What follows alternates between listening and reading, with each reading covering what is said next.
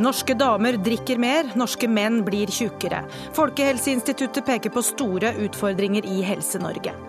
Varetektsfanger bør løslates når det mangler fengselsceller, instruerer Riksadvokaten etter at staten ble felt for glattcellebruk. Veldedighetsorganisasjoner svartelistes. Bare én av fire innsamlede kroner går til veldedige formål.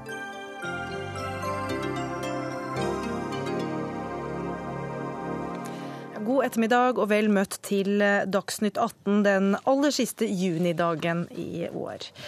Nordmenn lever lenger, men norske damer drikker mer, og norske menn blir feitere. Det er ikke først og fremst gode nyheter du kommer med i dag, Camilla Stoltenberg? Jo, det er først og fremst gode nyheter. Fordi vi eh, lever mye lenger enn tidligere. Og det er en indikasjon på at det går bra med folks helse. Og vi er også på topp når det gjelder å score godt på velferd og trivsel. Men la oss da ta dette med alkoholkonsum. Du er altså direktør ved Folkehelseinstituttet og har nå påpekt at eh, alkoholkonsumet har økt med 40% de siste 20 årene. Hvor alvorlig er det? Ja, det er mye. Eh, og Det betyr jo at det er vesentlige endringer i alkoholforbruket. Og vi vet at når det samlede forbruket øker i en befolkning, så øker også antallet mennesker som får alvorlige problemer med sitt alkoholforbruk. Og Hvorfor er det særlig kvinner som står for denne økningen? Nei, Det er ikke særlig kvinner. Det øker både blant menn og kvinner, men det øker raskere hos kvinner fordi at kvinner lå på et mye lavere nivå. Menn drikker fortsatt mer, og det er fortsatt menn først og fremst som får problemer med alkohol. Men kvinner begynner å ta igjen menn litt mer enn tidligere. Ja, og ungdommen drikker ikke noe særlig? Nei, og det er, det er kanskje det som er mest bemerkelsesverdig med disse tallene. Det er en endring i ungdoms alkoholbruk. og det, det har gått ned siden 2000. Og de alkoholforskerne som jobber med dette, vet ikke helt årsaken, men de spekulerer i om det kan ha sammenheng med både en slags motvilje eller protest mot de voksnes alkoholbruk, og at noen av de som vil være hva skal jeg si, i fare for å drikke mye hvis de var ute i gatene, sitter hjemme i kjellerne sine og spiller spill. Men alt dette er jo spekulasjoner, og det er ikke jeg som kan mest om det. Men hvordan forklares denne mer generelle økningen blant de voksne, da? Den generelle økningen er, det vet vi fra før, knyttet til økt tilgjengelighet og lavere pris. Og det er ikke reelt sett lavere pris, det er jo dyrt med alkohol i Norge sammenlignet med andre land. Men, men for nordmenn, eh, norske innbyggere, så er alkoholen mye billigere nå enn det var før. Og du har tidligere i dag sagt at alkoholpolitikken er under press. Hva mener du i det, med det? Nei, med det mener jeg at det både er et internasjonalt press på alkoholpolitikken, fordi det er trender som går i retning av eh, liberalisering. Og det er press i Norge. Og det er viktig å få en ordentlig debatt om alkoholpolitikken og de skadelige konsekvenser det kan få å ha økt tilgjengelighet. Vi kan jo prøve oss på en sånn debatt nå. Tone Wilhelmsen Trøen, du er eh, stortingsrepresentant for Høyre og sitter i helse- og omsorgskomiteen. Hvilke argumenter eh, er det for å føre en mer liberal alkoholpolitikk, som eh, Høyres og Fremskrittspartiets regjering nå gjør? Jeg er ikke enig i at vår regjering fører en mer liberal alkoholpolitikk. Økte åpningstider på polet, mer eh, høyere taxfree-kvoter f.eks. Det er det jeg mener når jeg sier det sånn. Ja, Det viktigste eh, virkemidlet vi har i alkoholpolitikken er Vinmonopolet. Eh, og det er et eh, institutt som er viktig. Der er det både aldersgrenser, og, og det er der vi på en måte styrer tilgjengeligheten. Men dere øker jo den tilgjengeligheten når dere øker Ja, det er helt riktig, med ca. fire dager i året. Det mener vi handler om å legitimere Vinmonopolets stilling. Nettopp fordi det er det viktigste virkemidlet vi har.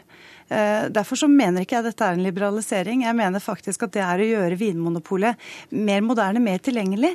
Eh, sånn at eh, vi har Sånn at man handler alkohol på Vinmonopolet. Mm. Men hvilke grep kan man tenke seg nå da, når man får disse eh, nyhetene fra Folkehelseinstituttet om at alkoholforbruket øker såpass kraftig? Hva kan ja. man gjøre med det? For det første syns jeg det er veldig positivt at eh, unge eh, ikke drikker mer. Det er, veldig, veldig, det er, en veldig positiv nyhet. Men hva kan man da gjøre med den delen av befolkningen som drikker mer? Ja, og Jeg tror det er veldig sammensatt. Jeg tror ikke dette er noen enkle løsninger. Eh, jeg tror det handler mye om folkehelsen generelt. Jeg tror også noe av det som, som Folkehelseinstituttet peker på i dag, er jo at at eh, eldre drikker mer. Og jeg tror også at eh, det å ha psykiske utfordringer Vi ser også at det er en sammenheng der mellom økt rusbruk. Så det å, det å ta på alvor at psykisk helse er en veldig viktig del av folkehelseutfordringen vår Jeg registrerer at du ikke kommer med noen forslag til løsninger. Men Tove Karoline Knutsen, stortingsrepresentant for Arbeiderpartiet i helse- og omsorgskomiteen. Hva vil du peke på som mulige virkemidler her?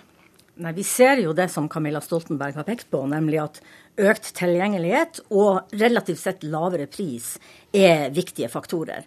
Og så var jeg og Arbeiderpartiet veldig skeptisk til at man nå har altså foreslått en høyere takstfri-kvote. Det er noe spesielt å komme til Gardermoen fra utlandet og nærmest måtte gå kanassagang mellom hyllemeter av alkohol. Og hvis det da skal bli enda lettere og enda uh, smartere å kjøpe um, på taxfree, så er jeg redd for at det vil virke i feil retning, og det er vi imot. Får vi få Trøens kommentar til det, da? Ja, jeg har ikke registrert at Arbeiderpartiet ønsker å, å avvikle, avvikle taxfree-ordningen. Det vår regjering har innført for, eller innfører fra 1.7, er jo at man kan bytte tobakk eh, i 1,5 liter med vin eller øl. Og tobakksskader er også en av de store helseutfordringene våre. Mm. Både tobakk og sigaretter er, både tobakk og alkohol er truende for helsa vår. Men så er det vel sånn eh, Knutsen, at uh, disse endringene, denne økningen, har pågått de siste 20 årene. Så den regjeringen som har sittet et knapt år, kan vel neppe få skylda for hele utviklingen? Nei, men nå har de altså tatt et spesielt grep for å få denne takstfrikvoten høyere. Og jeg mener at vi bør vurdere om f.eks. Vinmonopolet skal ha denne type salg også på taxfree. Jeg er enig med Trøen i at Vinmonopolet er et godt verktøy for en god eh, og høvelig restriktiv alkoholpolitikk. Så Vinmonopolet det støtter vi i Arbeiderpartiet også. Men vi må se på det som Folkehelseinstituttet nå legger fram, nemlig at vi, vi har altså eh, større forbruk. Vi har større forbruk blant kvinner og blant eh, eldre. Heldigvis at vi har litt lavere blant unge mennesker. Men vi har altså fått lettere tilgang til alkohol fordi at det relativt sett er blitt billigere for oss her i Norge å bruke alkohol. Og så har vi kombinert den norske måten å drikke på med en sånn kontinental uh, uh, drikkekultur. Og det gjør at særlig mennesker som er i faresonen, som kanskje sliter med at de har vanskelig på jobben, eller de har andre problemer i familien, at alkohol blir en sånn vei ut av det. Men Jeg, hø jeg hører dere peker på problemet, men jeg hører ikke at dere peker på løsningene. Det gjelder både Knutsen og Trøen, for så vidt. Jeg kan jo, Stoltenberg først, da. ok. Altså, jeg har ikke løsningen, og det er også politikernes ansvar å peke på løsningene først og fremst. Men det er viktig at det er en så sterk økning. Det betyr også at dette henger sammen med internasjonale trender. altså Alkoholpolitikken kjenner bare delvis landegrenser. Eh, og det betyr at vi må arbeide gjennom internasjonale ordninger. Vi må arbeide f.eks. gjennom Verdens helseorganisasjon, som nå har pekt på alkohol som en av de fire viktige risikofaktorene som de vil arbeide med fram til 2025. Vi skal litt innom dette med eh, fedme også, men en kort kommentar. Hvis du har løsninger, Trøen og Knutsen, Trøen først. Jeg vil jo si at disse eh, rapportene som kom i dag, danner jo grunnlag for en ny folkehelsemelding allerede neste år. Eh, og det er utrolig viktig å lytte til det som kommer av innspill nå, for å lage en ny folkehelsemelding som tar på alvor det som er de viktigste utfordringene. Mm. Da kommer ja. det noe der, Knutsen, ja? Ja, jeg syns det er bra at man kommer med en ny folkehelsemelding. Eh, eh, den rød-grønne regjeringa la fram den første i sitt slag i Norge i, i, fjor, og det er veldig fint hvis at den, den blå at den blå regjeringa følge opp det. Det er jeg veldig for. Og så må vi se på hva man faktisk sier fra forskerhold, hva som virker. For vi hører litt om dette med at uh, vi blir tjukkere, og særlig menn. Uh, det var vel noe sånt som at uh, bare 30% av befolkningen klarer å oppfylle dette med å bevege seg 30 minutter hver dag. Hva mer forteller denne rapporten, Camilla Stoltenberg? Den forteller mye om at det er vanskelig å få beveget seg nok i hverdagen. Og jeg tror nok at en av de tingene vi må se på, er hvordan kan vi ta det å bevege seg tilbake, gjenerobre det i hverdagen. Fordi at det at så mange sliter med eller ikke får til å bevege seg 30 minutter per dag, og at barn raskt fra de er seks år, da er det, da er det 90% som beveger seg en time eller mer, som er anbefalte. Og når de er 15 år, så er det bare halvparten. Så det er en drastisk reduksjon i hvor mye vi beveger oss, både over tid og over alder. Og det kan ikke fortsette. Så så jeg, tenker at her må vi virkelig være åpne for hva er løsningene. Dette er ikke noe som hver enkelt kan ordne opp i. Det er ikke et individuelt spørsmål, selv om det også krever individuelle valg å gjøre noe med det. Det er ja. Eh, samfunnsstrukturer. Tone Wilhelmsen Trøen, hva vil Høyre gjøre for å uh, bidra til at samfunnet kan endre seg på en måte som gjør det enklere å røre seg i hverdagen? Ja, Det er også et vanskelig spørsmål, for det er mange ting som spiller inn her. Eh, en av grunnene til at vår regjering kommer med en ny folkehelsemelding så raskt, er jo at eh, vi ønsker at eh, det skal også prege kommunevalget som kommer. fordi at det å ansvarliggjøre eller tydeliggjøre folkehelsa som en veldig viktig del av lokalpolitikken Veldig mye skjer i det lokale nærmiljøet. Eh, at vi har gode arenaer for å røre på oss. Ikke bare gjennom skolehverdagen, som veldig mange ønsker å debattere, men også det at, at barn og unge og eldre har arenaer hvor de kan være mer aktive i sitt eget lokalmiljø. Vil man bidra til flere uh, sykkelveier eller uh, begrense bilkjøring, eller vil man gjøre drastiske tiltak uh, fra regjeringshold for å kunne hjelpe kommunene eller hjelpe folk til å røre seg mer? Det foregår veldig mye bra ute i fylkene på det området. Jeg bor sjøl i en kommune hvor man laget en ny gang- og sykkelvei som endte opp med at folk tok bilen dit for å gå lange turer langs den veien. Det syns jeg er ganske bra. Jeg får lov å kommentere. Ja, kom igjen. Ja, ja. Uh, nei, Den rød-grønne regjeringa la jo inn i Nasjonal transportplan penger til kommunene til gang- og sykkelveier. Og det er i gang veldig mange steder, og det er veldig viktig at man gjør det attraktivt for folk å bevege seg. Men samtidig men, så går det også motsatt vei av det man ønsker, da. Ja, ja men altså, og så er det en ting til jeg har lyst til å si. Um, denne regjeringa er veldig imot uh, at man skal ha uh, forbud mot reklame. Man har gått mot uh, at man skal begrense solarier, som vi vet er en, en kilde til føflekkreft. Og så tok man bort frukt og grønt i skolen. Det er kanskje den viktigste arenaen hvor vi treffer barn og unge, er i skolen. Og at regjeringa tok bort noen millioner på akkurat dette gode tiltaket, er veldig vanskelig å skjønne. Og jeg skulle gjerne hatt en forklaring på det. Tiden vår renner ut. Camilla Stoltenberg, bare lyst til å spørre deg etter denne lille runden her. Mm. Eh, blir det bedre? Det er i hvert fall mulig å få det til, og det er grupper i samfunnet som får det til. Så jeg tenker at dette handler om å finne løsninger. Og det er stor fordel i folkehelsepolitikken å få til tverrpolitisk enighet, fordi at så mye arbeid er så langsiktig, og konsekvensene er ofte usynlige. Det er det at folk ikke blir syke, at det ikke dør.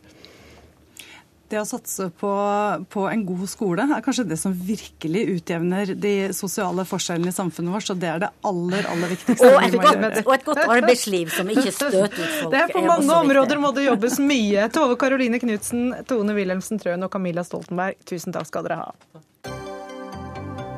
Dagsnytt 18 alle hverdager klokka 18. På NRK P2 og NRK2.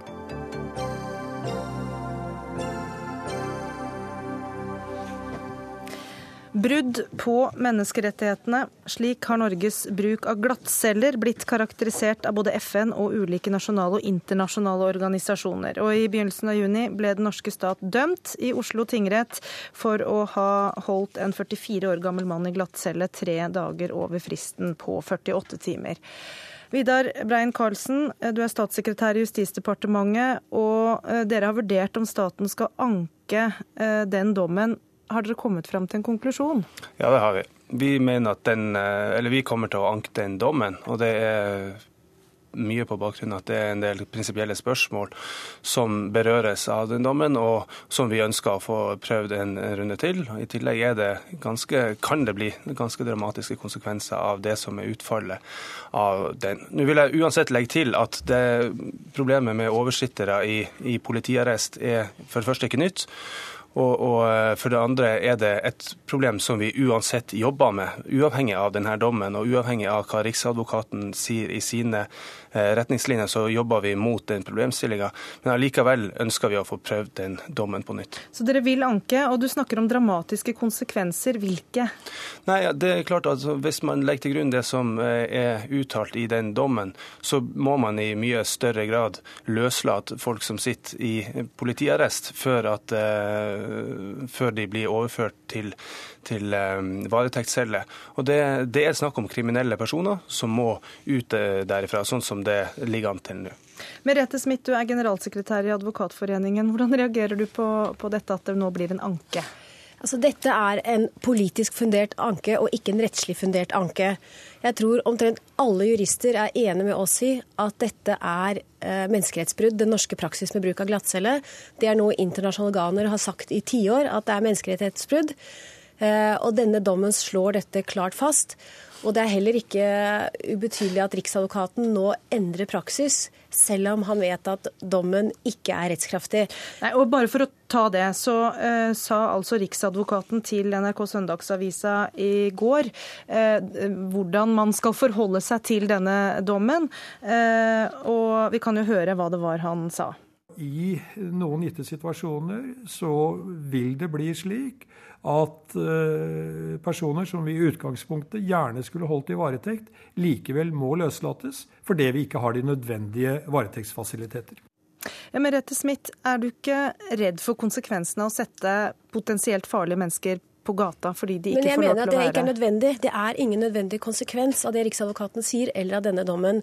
Det er mulig å løse dette på ganske raskt, og det er mulig å løse det ordentlig på lengre basis. Ved å løse det raskt, så kan man gjøre det f.eks. ved at man innkaller til soning noe senere. Eh, det er ikke et menneskerettsbrudd å bli innkalt en måned senere til soning enn en måned før. Men da må da vedkommende gå fri i den perioden imellom, da? Altså, det er mange som, er, som ikke blir innkalt til soning med en gang, som ikke er noen farlige mennesker. Kan, det kan være etter at du har eh, kjørt eh, i beruset tilstand. Jo, Men det er vel ikke de man type... velger å holde på glattcelle? Nei, altså poenget, Problemet er at det handler om å få overført fra glattcelle til varetektsfengsel. Og så er spørsmålet, så Hvis man ikke har plass til alle på en varetekt i fengselet, så må, må da noen, ikke sant, så kan man utsette og innkalle til soning, og så kan flere sitte i varetekt. En annen mulighet å løse det på helt umiddelbart, det er ved å ominnrede glattcellene. Det har man gjort i Vestfold. Politimesteren i Vestfold har fått det til. Dette er et holdningsproblem. Det er løsbart. Det koster ikke så mye penger. Det er heller ikke snakk om å slippe folk, eh, farlige mennesker fri. Selvfølgelig er det ikke det. Dette er mulig å løse hvis man har en annen holdning til det. Brein Karlsen, burde man ikke heller sett på løsninger eh, for å ikke bryte menneskerettighetene, eh, og samtidig holde disse menneskene man mener kan være en fare, bak lås og slå? Jo da, og vi, vi, har sett på løsninger hver dag stort sett siden vi kom inn i regjeringskontorene. Vi prøver hele tida å skaffe, skaffe, bedre kapasitet, sånn at vi, at vi får plass til de som skal sitte i varetekt, i tillegg til de som skal kalles inn til soning. For det Merete Smith her tar til orde for, det er at vi skal bygge opp soningskøen ytterligere. Den var, er stor nok, og øh, var rundt 1200 personer da vi overtok fra de rød-grønne pga. for liten kapasitet. Og så ser vi på ulike måter hvordan vi kan gjøre ting litt smidigere. F.eks. det som, som, ble øh, nevnt om, om hvordan innredninga på glattcelle er. Vi jobber kontinuerlig med denne problemstillinga. Og så står vi i en liten spagat med, mellom de som da skal uh, kalles inn til soning, og som det heller ikke er akseptabelt at går fri lengre, og de som skal da eh, inn til varetekt. Og når eh, Merete Smith går så enkelt over det med at, at det er farlige folk eh, det ikke er snakk om her. Jo, altså det kan det fort være. Det kan være de, for det er de som eh, i stor grad skal varetektsfengsles, og det er de som man da må slippe hvis man da eh, skal overholde den 48-timersfristen helt slavisk, sånn som situasjonen er nå. Men poenget er jo at det er ikke flere mennesker som skal fengsles. Det er ikke flere mennesker som skal holdes inne. Poenget er hvor de skal holdes inne. Så det vi kan gjøre, er jo f.eks. å gjøre de cellene vi har i dag, som er glattceller, gjøre dem mindre glatte. Slik at man ikke sitter i total isolasjon i en helt glatt celle som man vet er menneskerettsbrudd, som man vet medfører fysiske og psykiske skader. Det er ikke så vanskelig. Det handler ikke om å slippe ut. Det er bare en politisk eh, begrunnelse vi bruker. Men det er eh, ganske vanskelig, fordi politikerne også på Stortinget har jo prøvd å finne løsninger her. og I en kronikk i Bergens Tidende i dag så kritiserer du Stortinget Stortinget for unnfallenhet. Hva mener du da? Jeg mener at Stortingets kjerneoppgaver er å lage lover og gi lovregler om bl.a. forholdet mellom borger og stat. Eh, dette er et av de viktige, eller det sterkeste virkemidlet staten har, å sette folk i isolasjon. Og så, Nå hadde Stortinget forslaget eh, på en lovendring som skulle regulere under hvilke vilkår man skulle sitte i glattcelle. For det finnes det faktisk ingen regler om i dag. Det bare skjer. Mm. Og så valgte Stortinget å ikke gjøre det. Eh, de henstilte heller til regjeringen om å se nærmere på spørsmålet.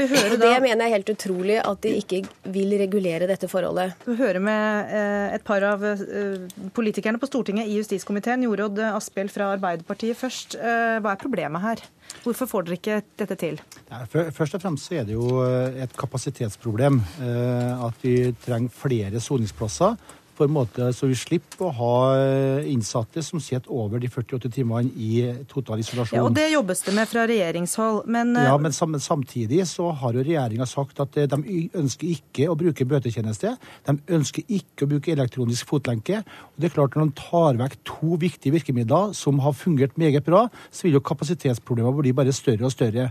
Og I vår regjeringstid så etablerte vi 750 plasser, men den nye regjeringa har satt nå Agder fengsel på vent og vil utrede på nytt, istedenfor å ta tak i der problemet er. Det er å skape flere soningsplasser som gjør at innsatte får gode soningsforhold som det er levelige. Ok. Vi skal høre fra regjeringen. Jeg skal bare først uh, få inn Iselin Nybø også fra Venstre. Uh, hva mener du er det store problemet her? Nei, Det store problemet Jeg er enig med Advokatforeningen, som sier at det er unnfallenhet. Det er et problem vi har visst om i flere tiår. Eh, og, og hvorfor skjer det ikke noe, da? Hvorfor, Nei, hvorfor skjer det ikke noe? Nå fremma jo Venstre et forslag som ble debattert for bare et par uker siden, men det fikk dessverre bare Venstre sine, sine stemmer. Og kjapt, Hva gikk det forslaget ut på? Nei, Det gikk ut på det at du, skulle, du må stramme inn bruken av, av glattceller, som, som gjør at du får en vurdering av behovet for å sitte på isolasjon. For de aller fleste som tas inn der i dag, har gjerne ikke behov for å sitte i 48 timer eller mer eh, under isolasjon. Eh, så gikk det på det å få litt andre typer celler, eh, sånn at det ikke var bare en madrass og en vask, men at det var gjerne litt mer stimuli for hjernen, at du hadde muligheter for å ha omgang med de andre innsatte, at du kunne styre lyd lyset ditt sjøl, at du kunne være litt mer ute. Det er en hel rekke med tiltak vi kan gjøre eh, for å bedre situasjonen til de som settes, eh, settes på glattcelle i dag. Hvorfor var ikke Arbeiderpartiet med på dette, Jorodd Asphjell? Vi har sagt Det er jo regjeringa som har kommet fram med forslag. Det ligger en rekke saker inn der. Og... Ja, men Nå kommer Venstre med et forslag da, som dere ikke var med på. Hvorfor ikke? Ja, vi, Arbeiderpartiet foreslo en omregning av Selland og ha mer en bedre ordning. og Det synes jeg er et godt forslag som vi kan se på i fellesskap. og Det er virkningsfullt og kan gjøres ganske rimelig og effektivt fra ganske tidlig. Så er det også muligheter at istedenfor å slippe fri eventuelt dem som sitter i isolasjon, det er jo eventuelt å ha en avkorting òg til andre soningsfanger, som eventuelt kan få et kortere straff. Men det viktigste er at vi har gode soningsforhold, og at de ansatte også har gode arbeidsforhold, som gjør at soningsforholdene blir gode for, de, for både ansatte og innsatte. Ja, Situasjonen i dag er at eh, det begås menneskerettighetsbrudd i norske eh, politiarrester nesten daglig rundt omkring i det ganske land. Eh, og Det er noe som vi alle har et ansvar for. Det er ingen som kan fraskrive seg det ansvaret, for dette har skjedd i mange år, og vi har visst om det lenge. Men det handler om å ville. Det handler om å ville en endring, og så handler det om å sette det viktigste først, som Fremskrittspartiet så ofte ynder å si. Og hvis menneskerettighetsbrudd ikke er noe som rykker rett opp på toppen av den lista, så forstår jeg ikke hva det viktigste først er i denne, i denne saken. Vidar Brein Karlsen. Jo, jeg syns for menneskerettighetsbrudd er alvorlig, og det prøver vi selvfølgelig å unngå. Jeg syns også det er veldig viktig å ta vare på ofrene for kriminalitet det, det, det, vi kan komme i situasjoner med ditt forslag og med ditt forslag at eh, de som blir utsatt for vold i nære relasjoner f.eks., opplever å få eh, mannen hjem igjen etter at han egentlig skulle vært varetektsfengsla, og at får, den, den, typen kriminalitet fortsetter. Jo, dette som det kommer til å skje. Og så til Arbeiderpartiet. Det Jorad Asphjell sier for det første, er at man heller kan slippe folk fri. Sånn så vi at eh, de rød-grønne holdt på i åtte år sist gang. Det er det ene. Det andre er at han bruker elektronisk kontroll, og vil bruke det som en, eh, en, en måte å varetektsfengsle folk på. Og det vil altså si at folk skal sitte hjemme når, de, når det enten er gjentagelsesfare, eller at man, det er stor unndragelsesfare. Altså at man kan stikke av fra politiet midt under etterforskninga. Og det syns jeg gjerne Arbeiderpartiet kan drive på med. Vi Vi gjør ikke det, i hvert fall. Nå er det Også- flere som har bedt om ordet. Vi må nesten bare ta en Så kjapp dette er runde. Skremselspropaganda. At man, eh, med de eksemplene du nevner, at man vil løslate en som har begått alvorlige straffbare handlinger med, eller vold i nære relasjoner. Selvfølgelig vil man ikke det. Og, da, og man har jo sett nå at man har prøvet seg med andre virkemidler, som fotlenker og den type ting. Og det, og det virker jo, og det, vi har ikke noe problemer med det. Så hvorfor ikke ta det i bruk? Eh, Hvorfor ikke utsette soninginnkalling med én måned? Dette er mulig å få til. Det handler om holdninger. Fremskrittspartiet og justisministeren sier at vi gjør noe med det, men hva er det egentlig dere gjør? Vi ser jo ikke noen konkrete tiltak. Altså Fremskrittspartiets støtteparti Venstre, da skal du komme med en kommentar før du får svare til slutt. Ja, for jeg er opptatt av å høre konkret hva er det Justisdepartementet gjør her. For de sier at det er alvorlig med menneskerettighetsbrudd. Allikevel så velger de å anke en dom eh, som slår fast at det er menneskerettighetsbrudd når man blir sittende fire og fem døgn på glattcelle. Da har du Og sjansen de er så tydelige på konkrete tiltak, men vi ser de ikke. For bare på Oslo politidistrikt de fire første månedene eh, i 20, nå, de fire første månedene i 2014, så var det 300 oversitter, altså 300 oversittelser. Det er 11 personer som har sittet over fem døgn på glattcelle bare i Oslo. Må, må statssekretæren få resten av tiden hvis Ja, han skal få lov til å komme med de konkrete Ja, og vi, dette har- vi har veldig lyst til også å få en ny vurdering av akkurat den dommen, for å se eh, på de prinsipielle sidene knytta til det. Og når det da kommer til eh, hva Merete Smith sier, at det ikke er flere som skal settes inn, det er akkurat det som er problemet. Stadig flere eh, blir varetektsfengsla, og de sitter stadig lengre. Det er et problem som vi jobber med. Vi skal ha flere plasser, og det jobber vi kontinuerlig med. Og der må vi sette strek. Takk til Jorod Asphjell fra Arbeiderpartiet, Merete Smith i Advokatforeningen, Iselin Nybø fra Venstre og statssekretær Vidar Brein Karlsen.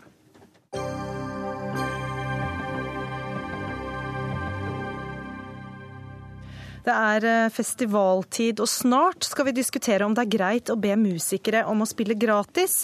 Og vi kan jo allerede nå da avsløre at det er ikke alle som syns det er greit. Men før det.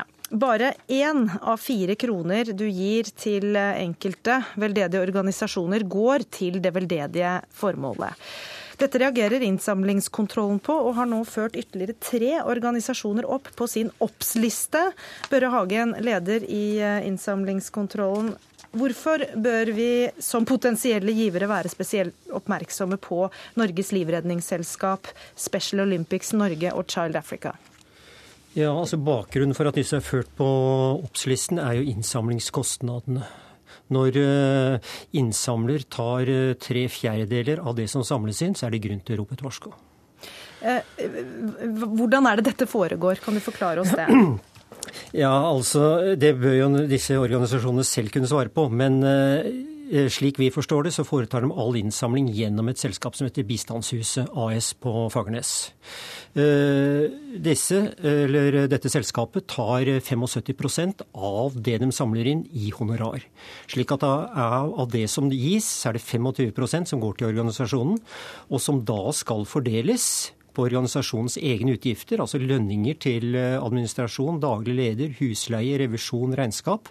Og så kan man jo tenke seg hvor mye er det da som går til formålet. Mm.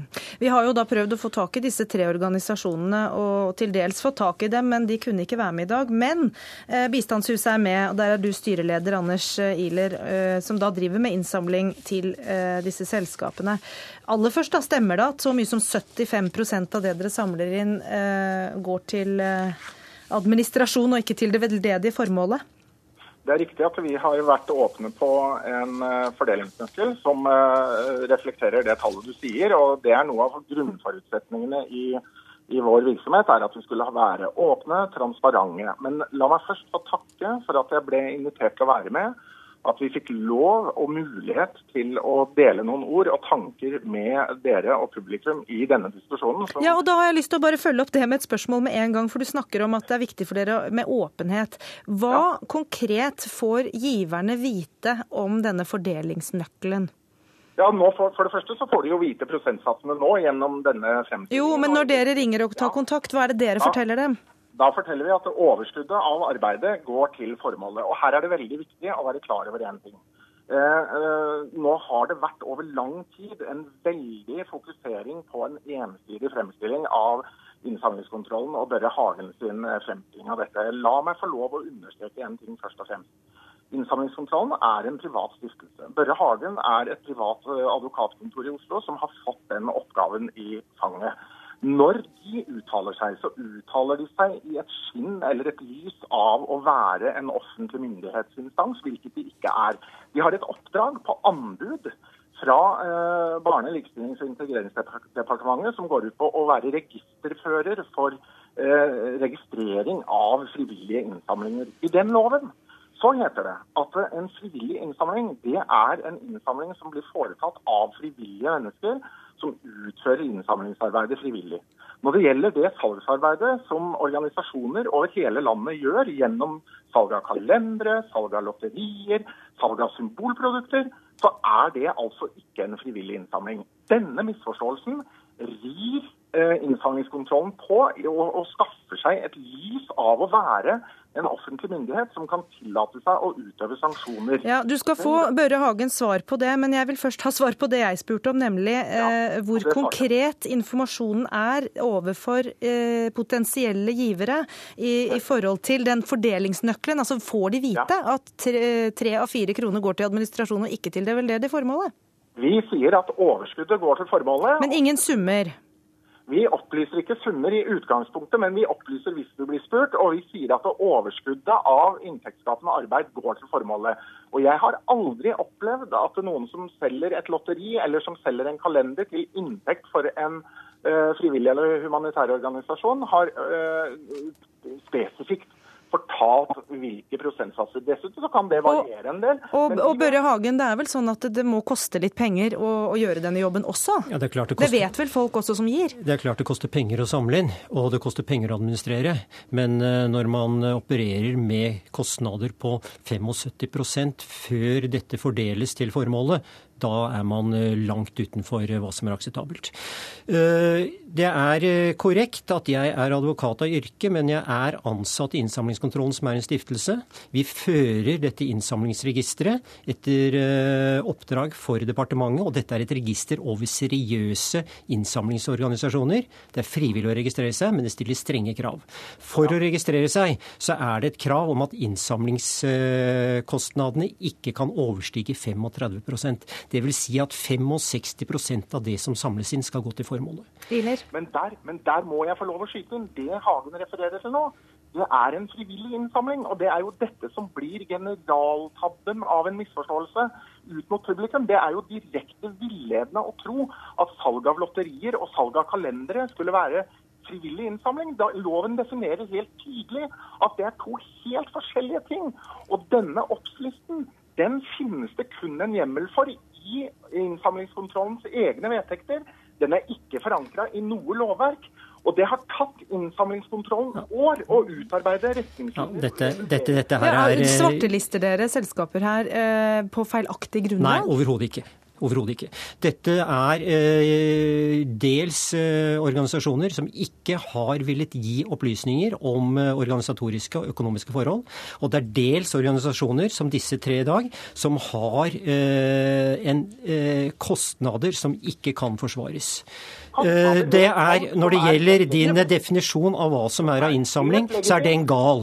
Du burde altså, gå til eh, hjemmesiden vår og les hvordan vi beregner innsamlingsprosent. Salg av kalendere og andre øh, altså operasjonelle inntekter er ikke innsamling. Lotterier i, i tråd Her tar jeg deg på ordet, Hagen. Det var en formidabel nyhet å høre. Nå fikk vi avklart noe særdeles viktig. Salg av kalendere er ikke innenfor den radaren du spaner på. Dette var nytt for meg. Ja, ikke, altså det vi snakker om er operasjonelle inntekter.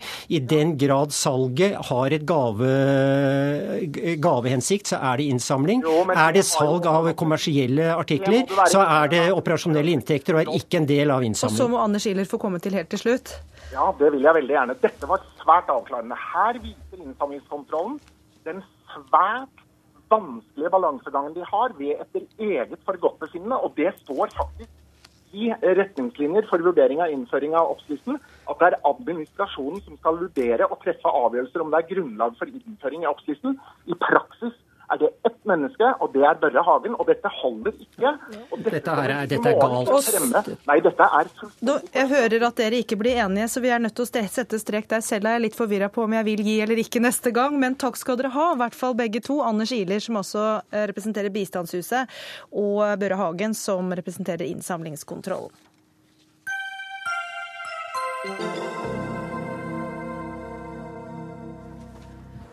Den eh, sunnimuslimske opprørsgruppen ISIL, som altså står for den islamske staten Irak og Levanten, har erklært en egen muslimsk stat i områdene gruppen kontrollerer i Syria og Irak.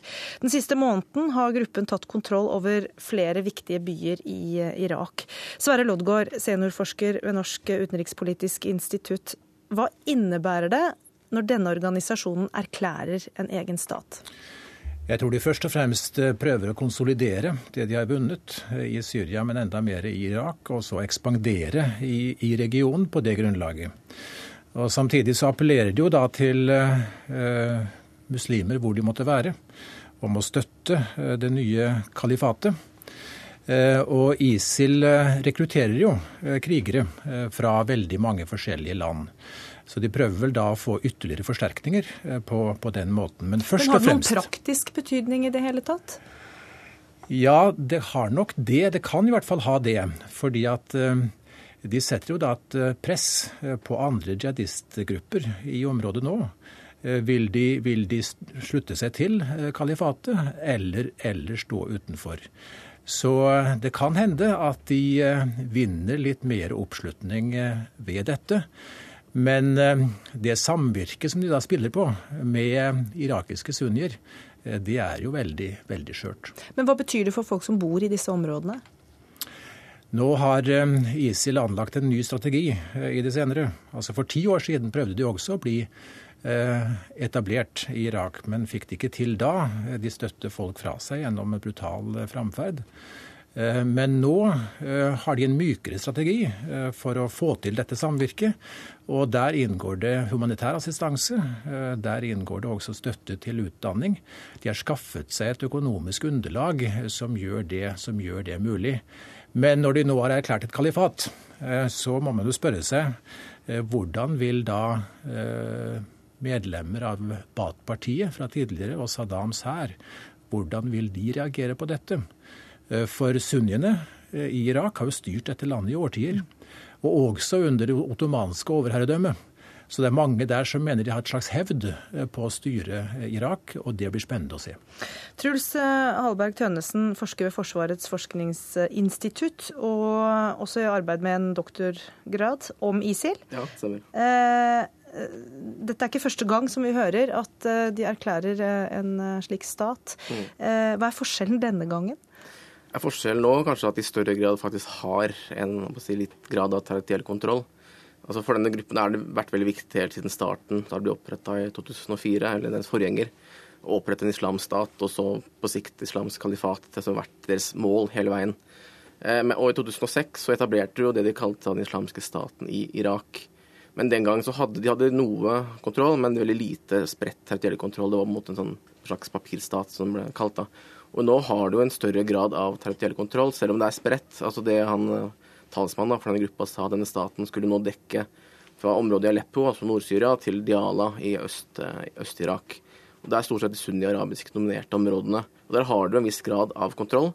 Samtidig så har de også vært litt pressa litt tilbake, så det er mulig nå at de tenker at nå vil de benytte sjansen. For gruppen har aldri hatt så mye territoriell kontroll som den har nå. Så det er veldig god anledning for å etablere denne staten eller gå videre og på det kalifatet. Og, men også da sende ut signal om at nå er det de som er den sterke parten. Men hva er det denne gruppa eller dette styret da representerer? Det vi hører er jo at den er en gruppe som er for brutalt for Al Qaida.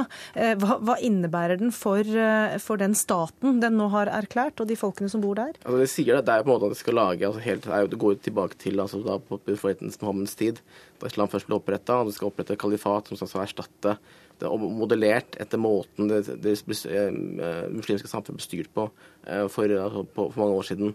Og Det er sånn det, det, de vil opprette. Og de sier jo da at de skal styre dem etter da streng eh, sharia-måte.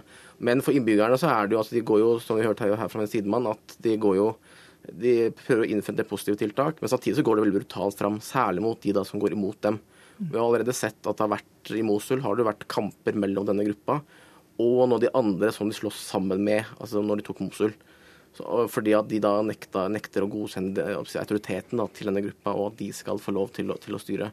For når de da tok Mosul, så hadde nok med seg mange lokale allierte som ikke, ikke støtter denne, altså at de skal lage den islamske staten, og at de skal være den som dominerer i, i dette, disse, disse, områdene. Hvordan Sverre Lodgaard, hvordan forholder eh, si, både lokale myndigheter og, og verdenssamfunnet seg til denne erklæringen uh, av en eget uh, kalifat? Det mangler ikke på stater verken i regionen eller andre steder som gjerne vil bekjempe ISIL. Og spørsmålet er på hvilken måte kan man gjøre det. En mulig måte, tenkbart i hvert fall, er å bredde regjeringen i Bagdad eh, og få den til å føre en mer inkluderende politikk overfor eh, sunniene. Eh, Iran, som har vært dypt inne, og fortsatt er det da, i, i Syria i, i, lang tid, vet jo formodentlig ganske mye om hvordan man kan prøve å utnytte dette skjøret i samspillet mellom ISIL og, og, og sunniene. Og skjørheten den viste seg f.eks. i januar i, i, i, Syria. Eh, da gikk den frie syriske eh, armeen eh, til angrep på ISIL i Aleppo og Idlib. Og de syriske sunnimuslimene deserterte med det, med det samme. USA konsulterer rundt omkring i, regionen for å prøve å lage en felles front på en eller annen måte, om, om mulig. Mm. Men eh, hvis det ikke lykkes, og hvis eh, kampene fortsetter, eller jo lengre eh, borgerkrigen fortsetter, desto mer sannsynlig er det at kurderne i nord vil erklære seg som uavhengig stat. Og det er ingen som anerkjenner denne staten internasjonalt, går jeg ut ifra? Det kan du være trygg på at det ikke er. Ser vi nå et første skritt en, av en deling av Irak? Det kan jo på en måte virke sånn, i hvert fall det altså, denne gruppen legger opp til. For de har jo tegnet et område som er sunni-arabisk område. Men det at de kan opprettholde denne, denne staten, det spørs jo om de kan. Og det er jo også det at de altså det å få med seg lokale allierte når de går imot dem. Det som skjedde sist, når eh, da på en måte Al Qaida Irak hadde, eller deres forløper hadde kontroll, så var det da at når det lokale gikk mot de, så mistet de kontrollen eh, ganske fort. Og Det som egentlig skjer nå, er jo, har jo noe med, altså, med et sammenbrudd i særlig Nord-Syria. Men også da delvis i Nord-Irak i forbindelse med konflikten i, i, Syria. Så det er jo mest egentlig det vi ser som er, som er, grunnlaget til at de har kunnet overta. Og det er nødvendigvis ikke gitt at det blir sånn over tid. Altså Det er mulig å etablere andre strukturer der også. Og Her skjer det ting eh, hver dag, så det er bare å, å følge med på utviklingen videre. Takk skal dere ha, eh, Sverre Lodgaard og Truls eh, Hallberg Tønnesen. Hør Dagsnytt 18 når du vil. Radio NRK.no.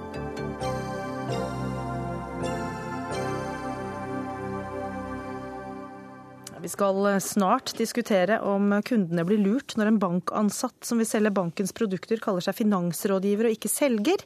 Men eh, før det om eh, musikeres kår. For mange musikere opplever å bli tilbudt ulønnet arbeid på festivaler og bransjetreff. Og argumentasjonen for at de skal spille gratis, er at eh, det vil gi dem mulighet for eh, videre arbeid senere. Dette har du sett deg lei på, Lena Nymark. Du er musiker og, og skriver i Dagsavisen uh, jeg trenger ikke et springbrett, jeg trenger lønn. Uh, hva er det som er hovedproblemet her? Hovedproblemet er jo at uh, når du lager en festival, så er det jo for å, å lage noe for publikum. Og publikum betaler penger for å se på musikere, og de er ikke klar over at musikerne ikke får betalt. Og musikerne lager et, eh, en vare som, eh, som, man selger, og det tror jeg mange musikere er for ydmyke til å stå opp for. Men for, Fortell hva du har opplevd da, fra festivalers ja. side. Ja, For å fortelle litt om meg sjøl først, så er jeg jo um, en utdanna musiker. Jeg uh, utdanna meg i, uh, på Norges musikkhøgskole for ca. ti år siden. Og har jobba som musiker siden jeg var 17 år. Nå er jeg 33 år gammel og tobarnsmor. Og um, har spilt med veldig mange forskjellige typer band. Jeg har uh, booka for mine egne band før og spilt for mange andre artister. Uh, og nå første, som 33-åring gir jeg ut min første soloplate. Og um, det er første gang jeg har opplevd at så mange uh, arrangører på ulike fronter har tatt kontakt med meg og um, skrytt av musikken min og sagt at ja, musikken din passer godt eh, inn her hos eh, oss på festivalen eller på dine scener eller på hva det nå skal være. Uh, og vi vil at du skal spille hos oss. Og jeg blir jo selvfølgelig kjempeglad og kontakter musikerne mine og sier holder denne datoen, nå skal vi spille konserter. Og, så, og, så, skriver jeg ja, hva ser dere for dere økonomisk? Og jeg er jo så dum at jeg venter med å spørre om det, fordi jeg tar det som en selvfølge at man får Jeg har alltid brukt å få lønn når jeg spiller konserter. Men så får jeg som svar at nei, vi lønner ikke uh, musikere. Uh, dette her er en uh, unik mulighet til å få et springbrett videre i karrieren. Vi har med oss Gry Bråtøymyr her i studio, fungerende daglig leder i Norske konsertarrangører. Hvorfor skal ikke musikere lønnes eh, sånn som si, alle andre yrkesgrupper eh, får lønn for det arbeidet de gjør? Musikere skal selvsagt lønnes for det arbeidet de gjør. Hvorfor får du da tilbud om gratisjobber? Jeg tror vi må, må, skille litt mellom hva slags type arrangører vi har her. Vi representerer et bredt spekter av arrangører i Norge.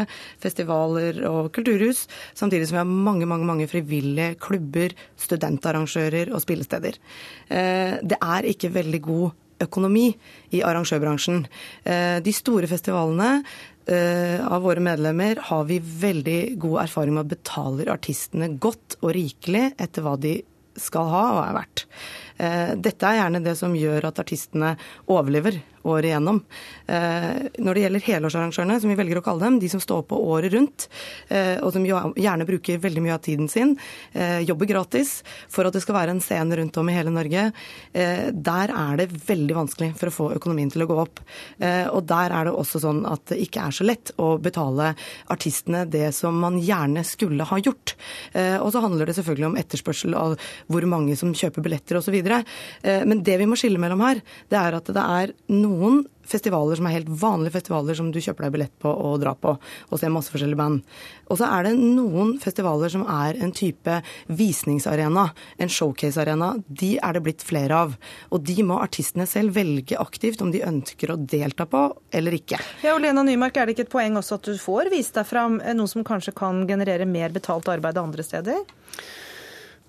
Jo, eh, det, det, kan hende at det er, men jeg syns at eh, så lenge at det, publikum betaler billetter for å se publikum, så syns jeg eh, at man kan få betalt. Og denne diskusjonen handler ikke om uh, godt eller dårlig betalt. Det handler om uh, å spørre på en, en, udirekte måte kan du stille opp gratis for festivalen vår. Og hvis uh, jeg skulle ha arrangert festival, så hadde det vært utenkelig for meg å, å kreve det av, av musikere. Um, ja. ja Bråtøymyr, hvorfor kommer ikke det først? Jeg, jeg har et tilbud om en gratis jobb. ja, nei, altså, nå kjenner du ikke til sånn helt eksakt hva som har skjedd akkurat her, men, men vi jobber jo konstant uh, interessepolitisk for å øke støtteordningene, både for artister og musikere, samtidig som vi jobber for å profesjonalisere feltet, arrangørfeltet. Og med det så mener vi jo selvfølgelig altså Alle konsertarrangørene de er der pga. musikken. De er der pga. artistene som skaper musikken som vi alle brenner for, og som vi alle ønsker å skape en arena for. Og vi ønsker musikk, og vi ønsker bredde ut i hele landet, grisgrendte strøk. Uh, og det står vi for, og vil vi jo fryktelig gjerne ha. Men skal, men skal, artistene da gå med underskudd? De må jo betale reise og, ja, og, og hotellopphold ja. og musikere. Men og... der har vi jo på en måte høna og egget. Altså, eh, her må vi samarbeide. Og jeg opplever i dag at det gjør artistene og arrangørene klekkelig godt. De profesjonelle og de gode arrangørene og artistene, de har en god, godt samarbeid her. Opplever du eh, også det, Lena Nymark? Eh, stort sett har jeg opplevd at arrangører i Norge er unik, unikt bra. Så jeg har reist rundt i Russland og i Korea og i verdens eh, land og i eh, England og, og forferdelig mange land, og, og, eh, og opplever da Norge som som den beste nasjonen å, å, spille konserter i, stort sett. derfor så blir jeg så overraska når jeg da blir tilbudt så mange jobber. Og det er ikke bare snakk om festivaler, det er enkeltarrangører eh, som kanskje har eh, plass til 10 000 stykker, så er det en mulighet til, eh, for å vise fram musikken din. Da tenker jeg at hvis det er 10 000 stykker som betaler for å komme inn på en plass, så, så forstår ikke jeg at eh, man ikke da setter opp eh, et uh, musikkinnslag på en del av budsjettet. Så det gjelder jo ikke bare Jeg angriper ikke alle festivaler i Norge. Det er masse kjempebra festivaler som betaler, og jeg spiller på de festivalene som er seriøse, som, som betaler. Og det er ikke snakk om at jeg skal betale skyhøye summer, det er ikke det, det diskusjonen dreier seg om, men en slags respekt for at musikk er er et, en merkevare som man skal selge. Og det er jo vanskelig for oss artister nå å selge vår musikk. for det Eh, det er jo gratis på internett. ikke sant? Men det er litt, litt en litt annen, en litt annen debatt, ja. Men vil dere som arrangører eh, arbeide for å få noen form for sånn minstesatser eller et system på at også musikerne får, om ikke annet enn symbolsk betaling for altså, det arbeidet de faktisk gjør? Altså, musikerne får betaling. Det er ikke sånn at de ikke får betaling. Men det jeg tror skjer her, det er jo Lena Nymark er en godt uh, anerkjent artist i Arrangør-Norge. Blant de som driver gjerne kanskje retta mot jazzmusikk. Uh, men for de som ikke kjenner Lena Nymark, som nå kommer med et, en soloskive, så blir plutselig hun også sett på kanskje som en type ny artist da, for noen. Uh, og kanskje dermed opplever dette her. Og jeg må støtte Lena i det hun har gjort her, med å komme med Eh, dette på banen, at artistene de skal også ha lønn, og det mener vi også. Og det er nettopp derfor at jeg blir litt provosert også. fordi Det er derfor jeg blir provosert også, for nå er jeg en godt eh, etablert musiker. Jeg er i 33 år og har veldig mange elever sjøl som er utdanna som jeg vil eh, skal, bli, skal komme seg ut i Musikk-Norge. Og da blir jeg litt bekymra når jeg ser at flere og flere unge, nye musikere blir Det blir tatt som en selvfølge at de skal takke ja til gratisjobber mot å få promotert, at de skal få oppmerksomhet. da. For jeg tror at de det er blitt en ny holdning. Nå, kanskje, nå antar jeg, men uh, etter at Idol og The Voice er kommet og Norske Talenter, så er det kanskje blitt en liten holdning om at det er veldig mange som har lyst til å vise seg fram. og det det som, den holdningen får vi ikke holdt å si, ut, bora videre i, for nå må vi runde av. Men ja. takk skal du ha, Lena uh, Nymark, og takk også til Gry Bråtøy Myhr.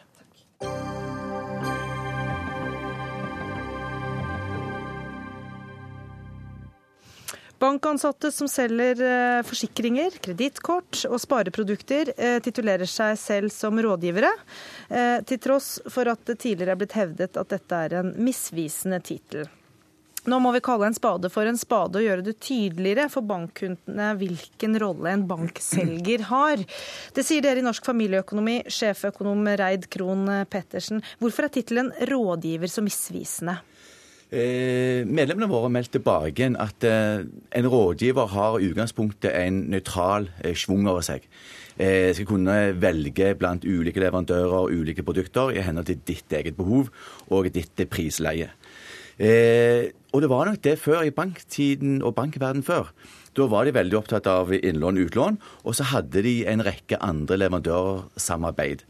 Det har ikke lenger. De produserer de meste produktene sjøl. Og de blir målt eh, ukentlig, eh, både på salg av eh, kredittkort og forsikringer og spareprodukter osv. Og, så og da blir det plutselig ikke lenger den som er nøytral. Da blir du eh, akkurat som alle andre selger. Du selger det som eh, selskapet ditt eh, produserer av tjenester og produkter. Jan Erik Faane, du er direktør for kommunikasjon og samfunn i Finans Norge. Eh, du mener at dette ikke er et problem. Hvorfor er det ikke det? Nei, tvert imot. Fordi eh, bransjen de siste fem årene har hatt et gigantisk kompetanseløft. Så de som kaller seg rådgivere, de er altså eh, autoriserte finansielle rådgivere. Ja, hva slags altså for, kompetanse er det de innehar? Det de innehar, de har altså gått gjennom kurs og eksamener, og de blir evaluert hvert eneste år på etikk, på forretningsskikk, på å se kundens beste, på å sørge for at kunden vet hva han eller hun kjøper, og konsekvensen av det før man gjør det. Så, så det, dette var en erkjennelse som ble gjort for mange år siden, og for fem år siden så innførte man en autorisasjonsordning. Men de er ikke eh, økonomer, den, ikke sant? Er, jo, altså de, de, utdannes i personlig økonomi og, og er kompetente til å gi gode råd til kundene. Det er altså 8000, nesten 7000 eh, finansielle rådgivere i Norge som har gått gjennom kurs, som etterutdannes hver eneste år. Det er 150 bedrifter som har sluttet seg til denne ordningen. Og Det er noe både Finanstilsynet, Forbrukerrådet eh, og alle andre sier at dette har vært meget positivt for finansnæringen i Norge og for forbrukerne. Og de gir vel råd, Krohn Pettersen, eh, om de produktene de har å selge? Ja. Ja, og det er klart at eh, den, eh, den, ordningen som ble innført, det er klart at den skulle bare mangle at det ikke kom på plass. Etter alt det som var råsalget på, på, på tusentallet, altså første tiåret. Eh, så klart at det skulle på plass. Men det hjelper jo ikke på situasjonen.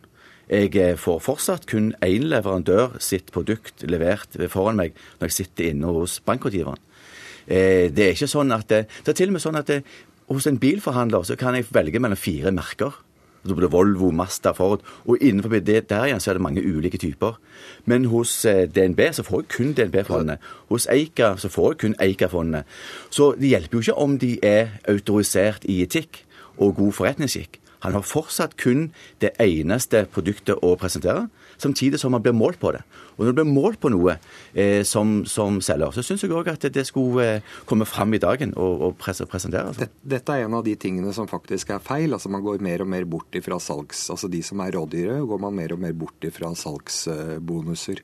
Og det er helt naturlig. En, en, en, en kunderådgiver i DNB vil ikke selge Nordea-produkter, selvfølgelig. En Volvo-selger vil ikke selge Mercedes-Benz. Det finnes selvfølgelig et marked for, for uavhengige rådgivere. Du kan gå til en finansiell rådgiver som er uavhengig, og betale han 1000 kroner timen for å få finansielle råd. Men vil du få råd som banken ikke nødvendigvis tjener penger på? Ja, altså i, De som er finansielle rådgivere, de er forpliktet til å gi råd som er til beste for kunden. og Gjør de ikke det, så er det et brudd på den rådgiverplakaten, et brudd på de etiske retningslinjene.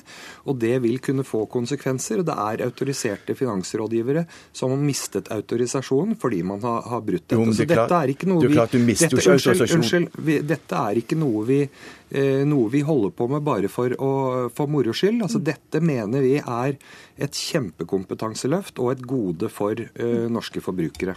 Ja, og, og, Vi bringer ikke dette til torgs fordi at vi har lyst til å holde på med dette med moro skyld. Det er klart at våre medlemmer føler et kjøpepress når de kommer inn i banken. Nå må jeg få snakke ferdig. Så får et kjøpepress å komme inn i banken. Det er klart det at én bankrådgiver, hvis han vet at det, på andre siden av gaten så får du et tilsvarende produkt med vilkår og, eh, og dekninger, men overhodet ikke samme pris. Så, men du går vel heller ikke på Lindex hvis du ønsker å handle Hennes Maurits-klær? Er det ikke litt sånn at du vet jo på en måte, må jo, gjøre noen går, valg og undersøke litt sjøl som kunde? Jo, men så er det motsatt av det Fåne sier. Eh, det er, er, ikke bonuser utbetalt i dag på salg, men det blir målt på salg. Det er salgsprestasjoner som hele blir målt i forhold til når du skal gå inn og diskutere lønn. Altså, og, når du skal, og, og, og det diskuterer de sjøl i egen i eh, finansnæringens autorisasjonsordninger om akkurat det dilemmaet. Så det, det, det foregår. Og Da blir jo spørsmålet eh, Og, og eh, Forbrukerrådet har sagt akkurat det samme som oss, at de skulle òg gjerne ønske at denne tittelen ble endret til det som faktisk er reelt, og det at de er selgere. Fåne, når dere får denne typen tilbakemeldinger eh, fra Norsk familieøkonomi eller fra Forbrukerrådet, fra kunder, da Fra eh, Forbrukerrådet får ikke vi den tilbakemeldingen. Nei, okay, men nå, nå videreformidler han tilbakemelding fra kunder. Hvilken innvirkning eller påvirker det deg på noen måte? Altså, jeg syns dette er snøen som falt i fjor. for Han viser altså i den pressemeldingen han sendte ut uh, før i dag, til en undersøkelse som er åtte år gammel. Altså Det har skjedd så mye siden den gangen.